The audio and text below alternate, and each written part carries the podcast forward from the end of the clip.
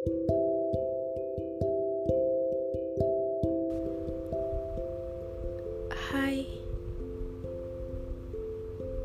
mengikhlaskan seseorang itu emang gak mudah, tetapi kamu pernah gak berpikir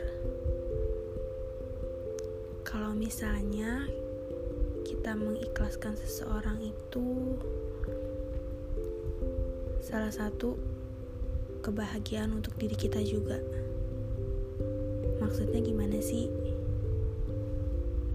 Ketika kita mempertahankan orang yang memang bukan untuk kita, itu bikin kita sakit sendiri, bikin kita pusing sendiri.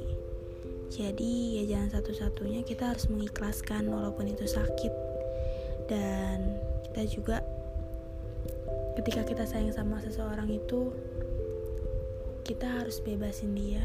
Ya, bebasin juga dia bahagia walaupun bukan sama kita. Karena ya memang begitu ketika seseorang gak bisa kita jangan pernah memaksakan karena sesuatu yang dipaksakan itu gak baik yang ada bikin kita sakit dan pusing sendiri jadi ikhlasin aja. Walaupun sakit nanti bakal ketemu gantinya kok. Sabar ya